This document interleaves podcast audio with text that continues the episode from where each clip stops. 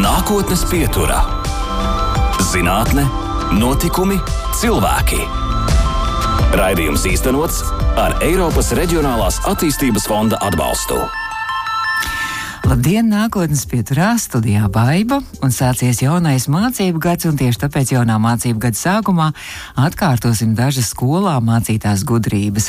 Zeme ir vienīgā zināmā planēta, uz kuras atrodas ūdens šķidrā stāvoklī, un tas klāja vairāk nekā divas trešdaļas mūsu planētas virsmas. Ūdens ir arī katrā cilvēka ķermeņa šūnā. Pieaugušā cilvēkā tas ir līdz 60% no kopējās ķermeņa masas. Tas aizsargā jūtīgos audus, ieeļo locītavas, regulē ķermeņa temperatūru, izvada no organisma nevajadzīgās vielas, transportē uzturvielas un skābekli uz šūdām, uzlabo asins cirkulāciju, mitrina ādu un uztur tās elastību. Bet Latvijā ir apmēram 12,5 tūkstošu upju strautu un lielo grāvju, to kopējais garums pārsniedz 100 tūkstoši kilometru. Ezeru kopējā platība savukārt ir 1001 kvadrātkilometrs, bet Latvijas jūras robežas garums ir gandrīz 500 km. Tātad mēs esam bagāti. Savukārt pēc Pasaules resursu institūta aprēķiniem apmēram ceturtā daļa pasaules iedzīvotāji dzīvo 17 valstīs, kur ūdens resursi ir nepietiekami, un tās visai nopietnas skar ūdens resursu krīze. Un, piemēram, Indijas dienvidos Tamilnādas štatā miljoniem cilvēku ūdens tiek piegādāts tikai ar cisternām, tas ir kļuvis par deficītu.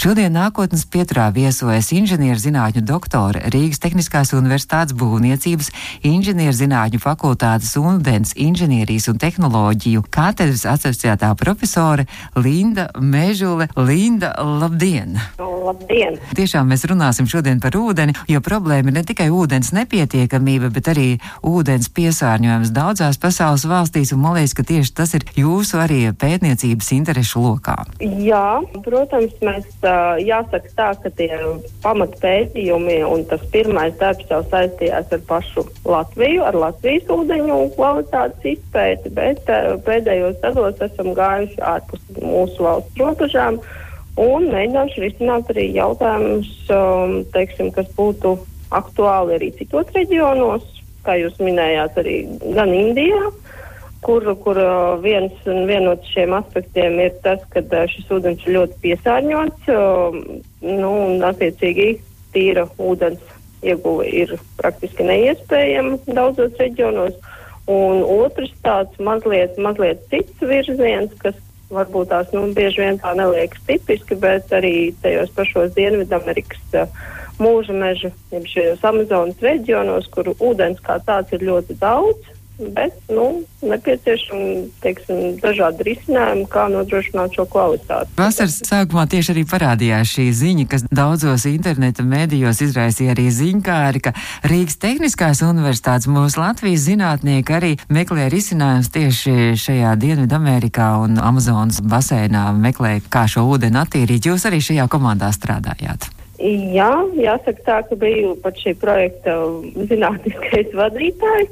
Darbojāmies, mēģinājām pielāgot mūsu tehnoloģijas, mūsu šos jau izstrādātos risinājumus tieši šim reģionam. Un jūs arī atradāt tādu jaunu, inovatīvu metodi, un, ja jūs varētu tagad izskaidrot mūsu klausītājiem arī, kas tad ir šīs metodas tehnoloģijas arī pamatā?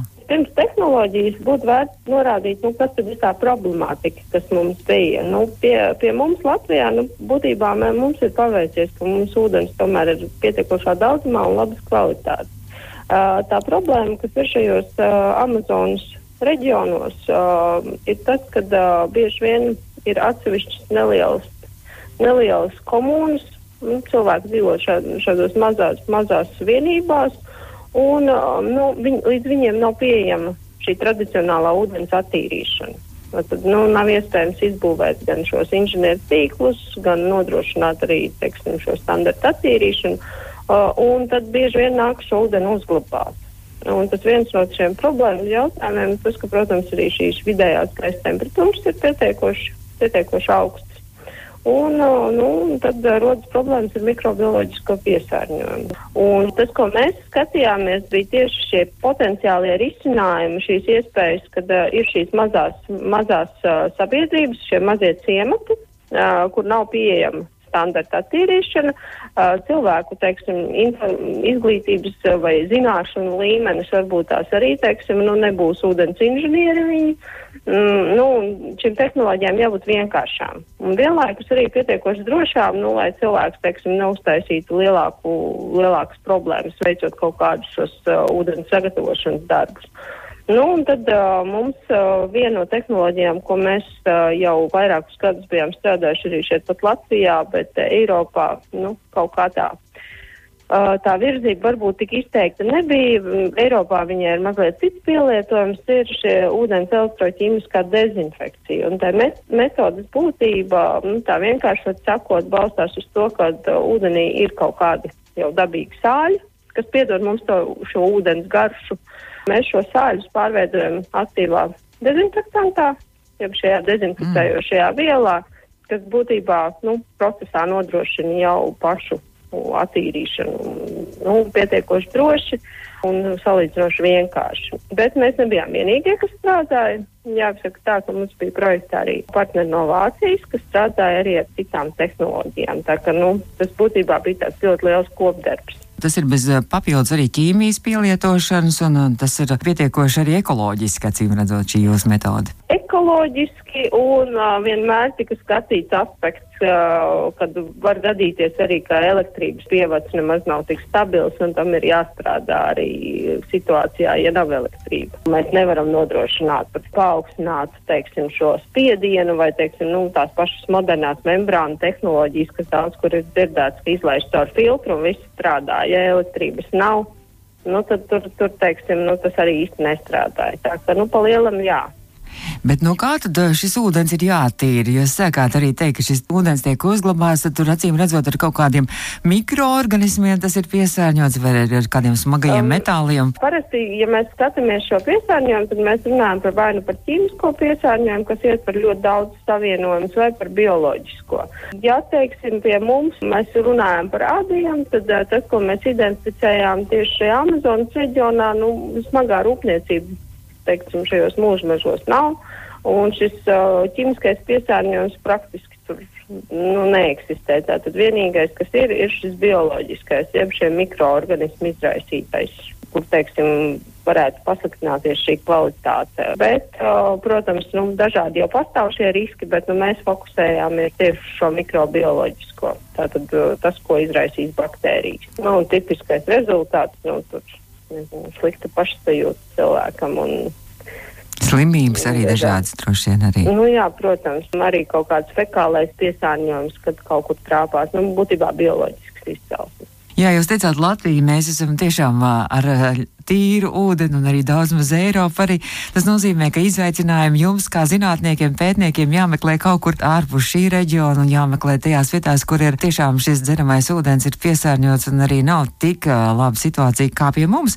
Bet kāpēc jūs tieši izvēlējāties šo Dienvidu Ameriku? Vai jums jau bija kaut kāda iestrāde, jau tur kaut kāda kontakta, vai viņi jūs aicināja, vai jūs paši nācāt klajā ar šādu piedāvājumu? Nu, sākotnēji, sākotnēji tie kontakti bija ar Vācijas pētniecības institūtu. Mēs um, bijām jau zināmi viens otram, uh, un uh, nu, kaut kā tā sanāca, ka, protams, kā jau Latvijā pētniecībā, tad uh, balstamies uz projektiem. Sanāca, ka bija šis uzsākums tieši Eiropas Savienības uh, sadarbībai ar Latīņamerikas reģionu. Kaut kā rakstot, meklējot, nonācām līdz Amazonas universitātei, kas atrodas Ekvadorā, tajā laikā, kad mums projekts sākās, kad mēs sākām būtībā šo pieteikumu gatavot, uh, universitāte bija pavisam jauna. Un, uh, viņi bija ļoti atvērti, ļoti interesēti.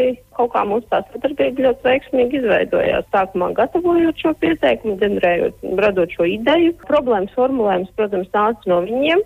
Un mums ļoti patika, ka viņi palīdzēja mums atrast šo pielietojumu, īpaši mūsu tehnoloģijai, kas varbūt Eiropā mums tā īsti nu, nebija šis noiets, un kur tad viņi likt. Un, jā, un beigās, beigās diezgan veiksmīgi. Tas jau arī, man liekas, ka ir tas brīnišķīgākais un lieliskākais, ka zinātnē nav robežu un ka izdodas sadarboties un arī pāri robežām realizēt dažādas projektus. Jā, noteikti tas patiesībā šie starptautiskās uh, sadarbības projekti. Reizēm varbūt neveiksmīgi, bet reizēm ļoti, ļoti veiksmīgi. Kāds ir tālākais liktenis šim projektam, vai tad arī tas uh, praktiskajā dzīvē tiks arī ieviests? Tās tehnoloģijas, pie kurām strādāja tieši Ekvadoras uh, partneri, viņiem bija salīdzinot ar mūsu vēl eko, uh, teiksim, tādi vēl eko izteiktāki risinājumi, kur vispār elektrību nebija vajadzīga, kur viņu šīs dezinfekcija tika nodrošināta ar saules gaismu. Viņiem šīm mm. tehnoloģijām, mm. uh, viņi savus, protams, šīs tehnoloģijas jau tīri, viņiem izdevās demonstrēt gan vietējiem iedzīvotājiem, gan mazliet tālāk pavirzīties. Neveiksmīgi mums sanāca, ka mēs netikām un praktiski nevarējām nodemonstrēt projektu laikā šo tehnoloģiju mm, nu, esošo apstākļu dēļ pēdējos gados jau bija plānota šī demonstrācija. Diemžēl. 2020. gadā šobrīd ir tā, ka ar, ar Vācijas partneru, ar šo pētniecības institūtu, ar kuru mēs strādājām, mēs turpinam sadarbību. Eiropas Savienībā, protams, vieglāk nodrošināt, nu, Latvijai, Amerikai gaidam, meklējam iespējas, jo, nu, jā, kad tikko kā būs iespējas kaut kādā, kaut kādā formāla veidā sadarboties, tad noteikti mm -hmm. gribēsim turpināt, nodemonstrēt beidzot izdarīto. Mēs arī turpināsim mūsu rēdījumu pēc brīža. Mums ir laiks arī mūzikai, un tad jau mēs turpināsim arī par citiem jūsu projektiem. Nākotnes pieturā šodien attālināti viesojas Rīgas Tehniskās Universitātes asociētā profesora, ūdens pētniecības vidas biotehnoloģija laboratorijas vadošā pētniece Linda Mežule. Linda, jūs izvēlaties arī šodien nākotnes pieturē mūziku, un es tā biju domājis, ka tas ir tā kā ar ūdeņiem arī saistībā, bet tas nav tikai ar ūdeņiem būs saistībā šī dziesma. Laikam, jā. jā, nu, manis izvēlētā dziesma, protams, tie ūdeņi tur ir, varbūt tas ir tāds uh, liktenīgi jumpravas peldētājs, bet uh, kāpēc izvēlējos uh, vairāk tāpēc, ka, nu, tā man, šī dziesma man asociēs ar bērnību kad bija šī pati augstākā savā popularitātē, tad, nu jā, tas bija viens no, viens no gabaliem, kas ļoti patika. Man liekas, ka bērniem jau īpaši droši vien, vai ne? nu, laikam, jau, Nākotnes pieturā. Un mēs turpinām nākotnes pieturu inženierzinātņu doktoru Rīgas Tehniskās Universitātes asociētā profesora ūdens pētniecības un vidas biotehnoloģija laboratorijas vadošā pētniece Linda Mežula ir mūsu attālinātā viešņa šodien par citām jūsu pētniecības interesēm, un tomēr tas ūdens laikam dominē, un jūsu interešu lokā arī ir tāda lieta kā bioplēves pētījumu un patogēnu noteikšana dzeramā ūdens bioplēvē, un vai tad mēs varētu klausītājiem izstāstīt, kas tā bioplēve tāda ir? Neiedziļinoties te, te zinātniskajā skaidrojumā, tas vienkāršākais būtu kādreiz, teiksim, ja kādam ir sanācis mājās mainīt uh, cauruļodus, tur tas gļotainais apaugums ap tām trubām, tā jau arī būs tā bioplēve. Citreiz mums gadās, kad uh, atgriežam krānu un arī parādās tāds gļotais mm -hmm. veidojums, kas uzreiz izraisa dziļu nepatiku un vēlmi sūdzēties ūdens uzņēmumam. Bet nu, citreiz viņš turpat pie caurulē arī dzīvo. Mazliet ieliekot šo zinātnisko, nu, tā būs tā vieta, kur dzīvos visas šīs baktērijas. Nu, un potenciāli var būt bīstama, bet var arī nebūt bīstama, un tas ir ļoti, tas ir dabīgi. Viņi ir jāmācās sadzīvot. Nu, bet jūs kaut kā tomēr mēģināt šo bioplēvi kaut kādā ne tikai sadzīvot, bet arī kā mēs viņu varam neutralizēt, acīm redzot, lai cilvēkam tā nebūtu kaitīga un arī kaut kā šīm pašām no. caurulēm. Protams, neutralizēt, nu, pilnībā mēs no viņām vaļā netiksim. Tas ar to ir jārēķinās un nu, jābūt gataviem. Bet tas, ko ir vērts darīt, ir skatīties, lai pirmkārt, lai viņi mums netraucētu, lai nenotiktu šādas te visādas atdalīšanās un lai neaizaugtu tā, ka mēs, mēs pie tā ūdens nemaz netiekam. Bet caurule tā aizaugusi, ka tur nekas nevar cauri tikt. Un tad, uh, protams, uh, ja mēs skatāmies Uh, teiksim, šo uh, potenciālu jau kaut kādus patogēnus, tad visbiežākais jau tieši šī bioplēva būs tā, kur šie patogēni savairosies. Ja? Nu, tāpat jau viņi nenonāk ūdens apgādes sistēmā. Un bieži vien varbūt tās kāds viens vai daži nonāk, un tad tajā, tajā bioplēvē tad viņiem ir tas, tā labā vide, kur viņi var savairoties, izdzīvot un gaidīt to savu īsto brīdi, kad, uh, kad nonāk jau attiecīgi līdz mums līdz patērētājiem.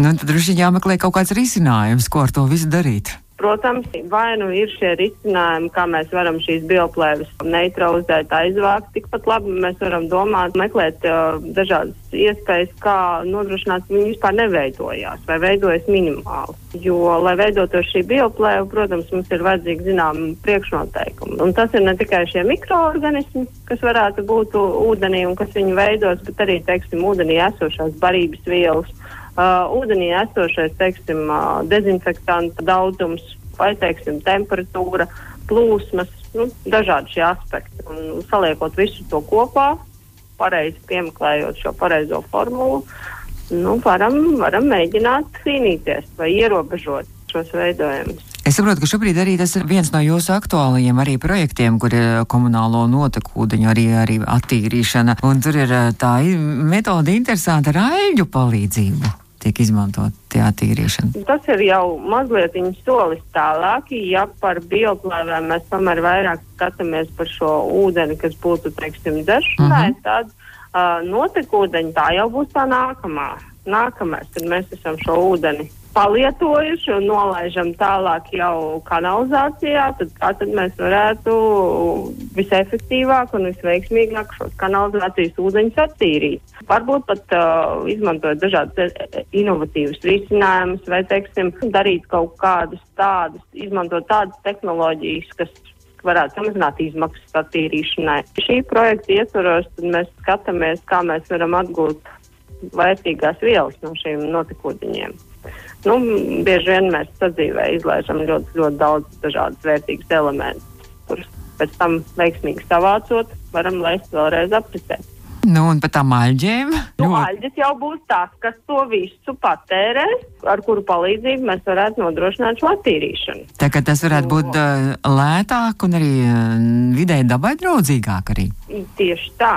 Tieši tā, aļģis augot, uh, teiksim, šajos notekūdeņos, patērējot tajās esošās barības vielas. Tā mūsu ideja ir tāda, ka saražo pēc iespējas vairāk, izaug ar vien vairāk aļģis, kur mēs šo biomasu, šīs augušās aļas jau tālāk varam izmantot, teiksim, degvielas ieguvē, piemēram. Vai šobrīd šis projekts ir tādā, nu, vairāk teorētiskā līmenī, vai jūs jau esat uh, kāds praktiski arī, esat kāds sadarbības partners atraduši, kas droši vien arī ir uh, zinātnes mm, mērķis? Šobrīd uh, būtībā jāsaka tā, ka esam, nu, tādā pusceļā. Laboratorijas pētījumus esam lielā mērā noslēguši, esam atraduši tās pareizās aļas, esam atraduši tos pareizos apstākļus, jo, nu, jāsaka tā, ka nu, jebkuras aļas, jebkuros apstākļos tā īsti neaugs. Notekūdens nav tā labākā vide, kur augt, ņemot vērā, ka tur var būt arī dažādas uh, nevēlamas vielas, um, teiksim, kas nu, nepatiks dzīviem organismiem. Un, uh, nu, un šobrīd mēs strādājam pie tā, lai demonstrētu pašu šo konceptu tīri tehnoloģiski, pirmajā etapā maza, mazos apjomos, bet ir jau daži uzņēmumi, kas ir izrādījuši interesi, ka, teiksim, ja šī, šīs demonstrācijas mums izdodas tā, kā mēs plānojam, ka viņi labprāt gribētu jau lielākos mērogos redzēt, kā, nu, teiksim, mm. potenciāli varbūt arī izmantot savās stacijās. Te gan jāsaka, protams, uzreiz, ka, nu, tas nebūs tik vienkārši tīri tehniski, jo tomēr šī tehnoloģija iekļaut dzīves organismus, nu, un dzīves organismus bieži vien nu, ir sarežģīti prognozēt. Runājot par jūsu ūdens pētniecības eh, laboratoriju, ja runājam par notekūdeņiem, jūs iesaistījāties arī Covid pētījumu programmā. Te gan jāsaka tā, ka es uh, tieši notekūdeņu pētījumā nebiju iesaistīta, mm. bet uh, piedalījās mani kolēģi. No mūsu laboratorijas. Un, uh, jāsaka tā, ka viņiem šie darbi turpinās, tiek jau nopietni strādāts, lai šo izstrādātos pieeju jau ieviest dzīvē un reāli praksē. Es vairāk biju iesaistīta šajā vienā citā šīs programmas projektā, kas saistīts ar tehnoloģiju izstrādi tieši priekš telpu dezinfekciju. Un tad mēs, mēs meklējām dažādas risinājumus, kā, kā nodrošināt šo, šo tīrību, šos kvalitātes aspektus, skatoties gan gaisa kvalitāti, gan, uh, gan arī virsmu kvalitāti. Tur gan, protams, jāsaka, ka tas nebijām tikai mēs, tur bija ļoti, ļoti daudz partneri iesaistīti, kas izstrādāja gan dažādus robotizētus risinājumus, gan uh, virsmu pārklājumus, gan uh, šķidros dezinfekcijas līdzekļus. Gaismu, ko varētu izmantot jau konkrēti telpās, medicīnas iestādēs. Par jūsu zinātnieces radošajiem dažādiem risinājumiem un dažādiem virzieniem vēl turpināsim sārunu. Linda Mežule, ūdens pētniecības un vidas biotehnoloģija laboratorijas vadošā pētniece, asociētā profesore, mūsu attālinātā viešņa ir laiks mūzikai. Konkrētais gabals, kas ir izvēlēts, ko es varētu minēt, man liekas, ka šis ir viens no uh, nu, tādiem labākiem piemēriem, kā jaunās skaņās, manuprāt, dziesmu var iegūt daudz, daudz labāku skanējumu. Mm. Arī rudenī sagaidot, es domāju, ka. Nākotnes pieturā - zinātne, notikumi, cilvēki. Turpinām nākotnes pieturu inženierzinātņu doktoru Rīgas Tehniskās universitātes būvniecības inženierzinātņu fakultātes ūdens inženierijas un tehnoloģijas katedras asociētā profesora Linda Mežuli. Tik daudz to radošo, kā jau es teicu, jums zinātnieces virzienu, ka mums noteikti vēl par vienu ir jārunā, kas man likās tā, ka ar ūdeni tur nav nekāda sakara, bet jūs teicāt, ka tas izriet no viss iepriekšējā, un jūs esat pievērsusies arī biodegvielas izpētē izpētēji un dažādiem projektiem. Jā, tas, tas tāds liekas pavisam, pavisam cits virziens. Jāsaka, godīgi, kaut kas jau ir. Tiešām tur ir taisnība, ka ir, ir, ir cits, cits lauciņš, bet kāpēc izriet ir tas, ka uh, vēsturiski nu, daudzus, daudzus gadus strādājam tieši ar mikroorganismiem, ar baktērijām, ar baktēriju augšanu, meklēšanu. Uh, Un, uh, tad, kad parādījās uh, nu, tāda, tāda situācija, ka vajadzēja mazliet pamainīt šo virzienu un pāriet uz šo biodegvielu, nu, tad uh, tas, ko mēs izdarījām, mēs sākām skatīties un pētīt uh, dažādas biodegvielas iegūšanas veidus, kur, kur tiek izmantot tieši mikroorganismi. Un, uh, teiksim, tā, pārnesot šīs zināšanas, nu, izdevās papildināt šo nozaru. Es, nu, tāda sajūta ir ar šiem pētījumiem tieši attiecīgi.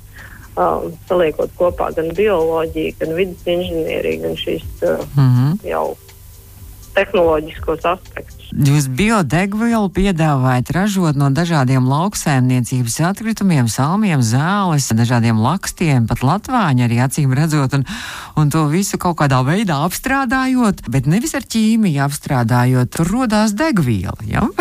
Ja es tā vienkāršot paprasīju, droši vien nepareizi kaut ko paprasīju.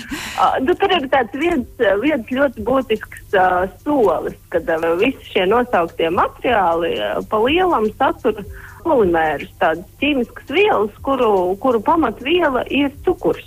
Un, uh, tad, kad mēs bioloģiski šo cukuru iegūstam no nu, ar vienkāršiem vidē draudzīgiem paņēmieniem, teiksim, neizmantojot jau, jau kaut kādas ķīmiskas tehnoloģijas, mums ir dabūts šis cukurs.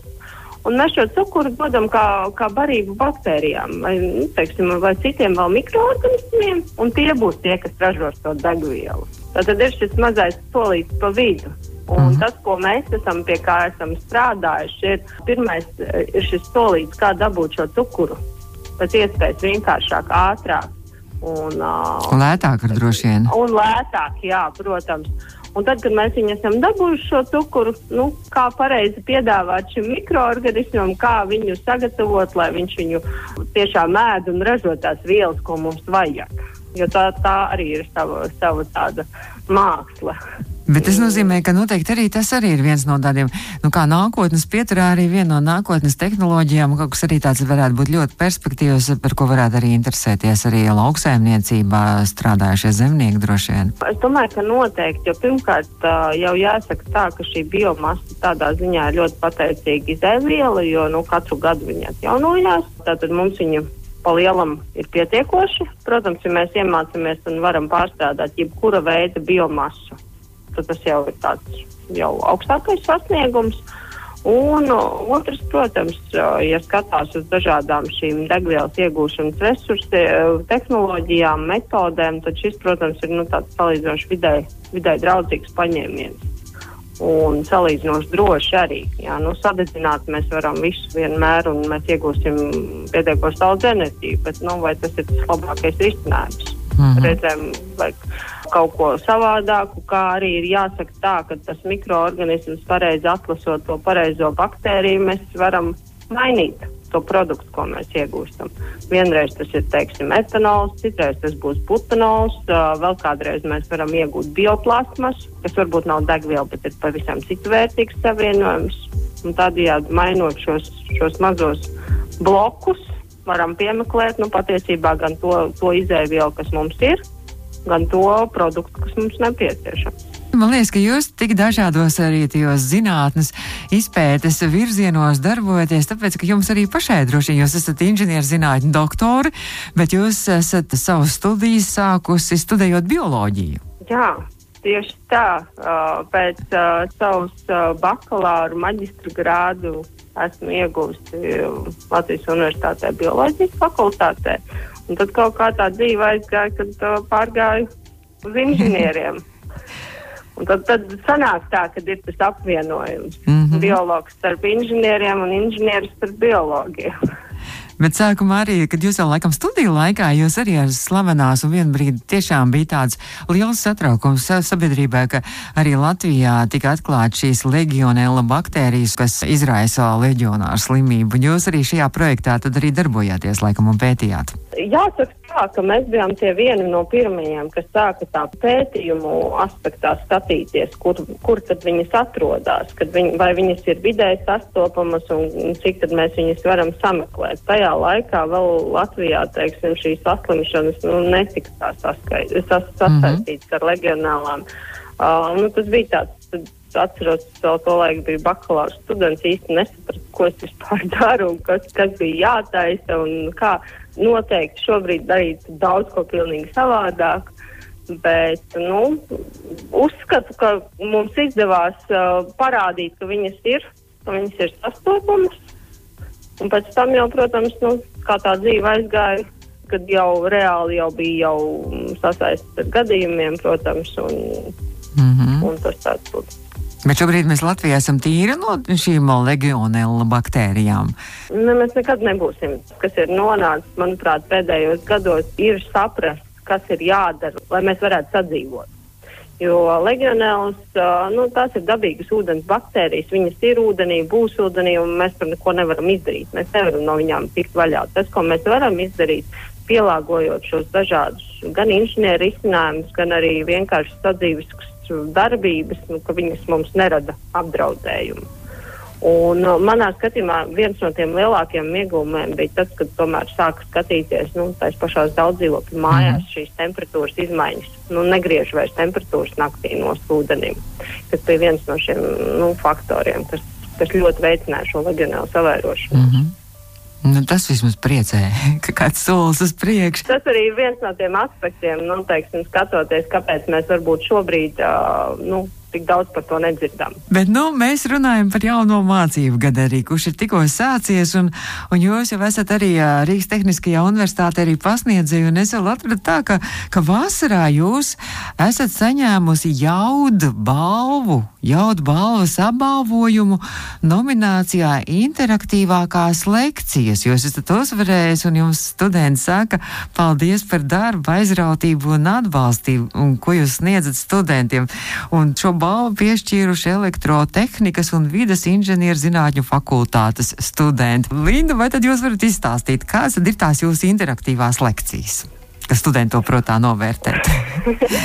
nu, šeit man jāsaka, ka tas bija ļoti liels pārsteigums. Es sākumā par to tāpat nespēju noticēt, jo ņemot vērā to, ka mums pagājušais un aizpagājušais semestrs nu, lielā mērā viss bija attālināts, tad to interaktivitāti nodrošināt bija ļoti smagi. Jo, nu, runāt ekrānu priekšā, tu nevari izrādīt visu entuziasmu. Nu, ļoti bieži ir ļoti grūti parādīt, ka tev pašam nu, tas ir svarīgi.